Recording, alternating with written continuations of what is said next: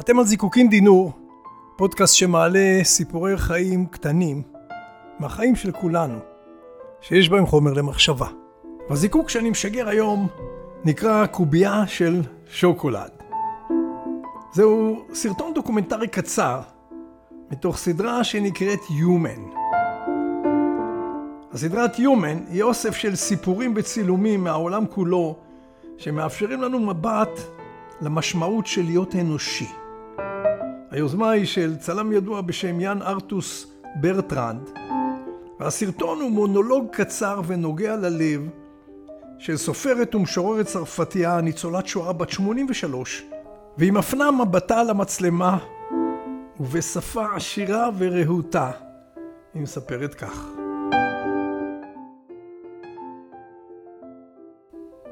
שמי הוא פרנסין כריסטוף, כך היא פותחת, ונולדתי באוגוסט 1933. זו השנה שבה אדולף היטלר עלה לשלטון בגרמניה הנאצית. היא שולפת אז ומראה למצלמה את טלאי מגן הדוד הצהוב שבמרכזו מופיעה המילה ז'ואיף, יהודי. זהו מגן הדוד שלי, היא ממשיכה. היה עליי לענוד אותו על חזיק כמו כל היהודים. הוא גדול הטלאי. הוא גדול במיוחד עבור ילדה, אני הייתי אז רק בת שמונה. כשהייתי במחנה הריכוז ברגן בלזן קרה לי משהו מדהים.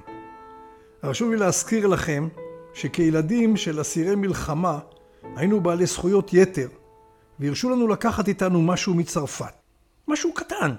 שקית קטנה עם שניים או שלושה פריטים קטנים.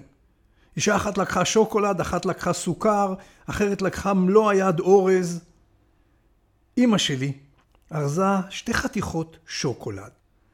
נשמור את זה ליום, היא אמרה, ליום שבו אראה אותך מתמוטטת ובאמת זקוקה לעזרה.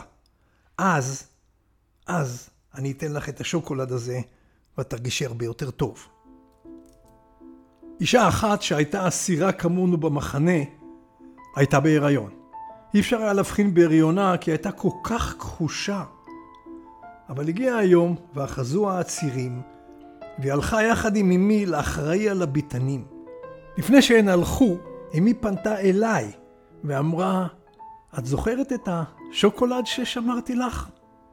כן, אמא, עניתי לה. ואיך את מרגישה? בסדר, אמא, אני, אני אהיה בסדר. טוב, אז אם הכל בסדר איתך, הייתי רוצה לתת את השוקולד הזה לגברת הזאת, לחברתנו הלן. ללדת כאן זה לא יהיה קל, היא עלולה למות. אם אתן לה את קוביית השוקולד, זה לפחות עשוי לעזור לה. כן, אמא, אמרתי לה, כן, כן, תתני לה. והלן ילדה את התינוק, יצור זעיר וחחוש. היא אכלה את השוקולד והיא לא מתה. היא הוחזרה לצריפים. התינוק, אגב, אף פעם לא בכה, אף פעם. לא שמעתי אותו אפילו מייבב. שישה חודשים לאחר מכן שוחרר המחנה. מישהו התיר את הסמרטוטים בהם היה עטוף התינוק, ואז, רק אז, הוא החל לצרוח. זה היה בשבילו כאילו הוא כרגע נולד. לקחנו אותו חזרה לצרפת, יצור זעיר וחלשלוש שכזה, בשביל תינוק בן שישה חודשים בלבד. חלפו השנים. לפני מספר שנים שואלת אותי בתי, תגיד אמא, אם לכם המגורשים היה פסיכולוג או פסיכיאטר כשחזרתם מהמחנות, וכי זה היה מקל עליכם? ללא ספק, עניתי לה, אבל לא היה לנו. אף אחד לא חשב על מחלות נפשיות. אבל נתת לי רעיון טוב. בואי נארגן הרצאה בנושא הזה. ארגנתי הרצאה סביב הנושא. אם לניצולי השואה היה ייעוץ פסיכולוגי בשנת 1945, מה היה קורה? זה היה נושא ההרצאה. וההרצאה משכה קהל רב. ניצולים מבוגרים, היסטוריונים ופסיכולוגים רבים, פסיכיאטרים, פסיכותרפיסטים. מאוד מעניין. עלו שם רעיונות רבים, זה היה ממש מצוין. ואז...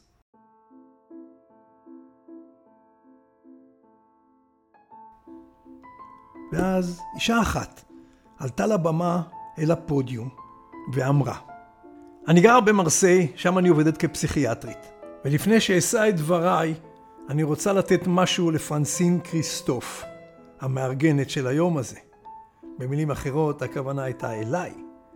היא הכניסה את ידה לכיסה, הוציאה משם חתיכה של שוקולד, נתנה לי אותה ואמרה, אני היא התינוקת. אני היא התינוקת. מתוך עדות אישית של פרנסין כריסטוף, תרגמה לעברית שרית שץ. והתלבטתי אם להוסיף מילים משלי, כי הרי מעשים קטנים של טוב לב, נגיעות קטנות באנשים, אנושיות, הם דברים שתמיד צריך להציף. אני אחזור רק על אמרה שאמר פעם, או שמיוחסת לבודה, שאמר, הדברים היחידים שנשארים לנו הם הדברים שנתנו. וראו כמה זה נכון גם במקרה הנוכחי. הנתינה הזו של, של חתיכת השוקולד נשארה צרובה בזיכרון לתמיד. זיקוקין דינור, שוקה דינור.